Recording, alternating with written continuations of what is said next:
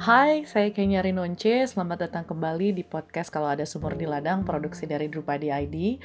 Um, kali ini saya ingin menghadirkan sesuatu yang agak sedikit berbeda dari materi-materi yang sebelumnya, karena apa yang kita hadapi saat ini bersama-sama juga sangat berbeda, uh, terutama yang terkait dengan COVID-19.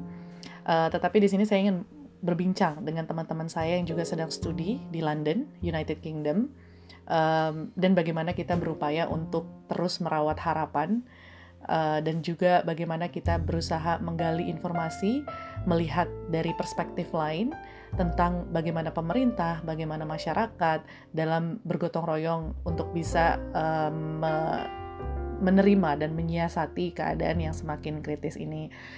Um, semoga teman-teman di Indonesia juga bisa mendengarkan mungkin juga bisa melemparkan saya pertanyaan atau mungkin bisa juga berbagi pengalaman tentang apa yang dirasa dan dilakukan.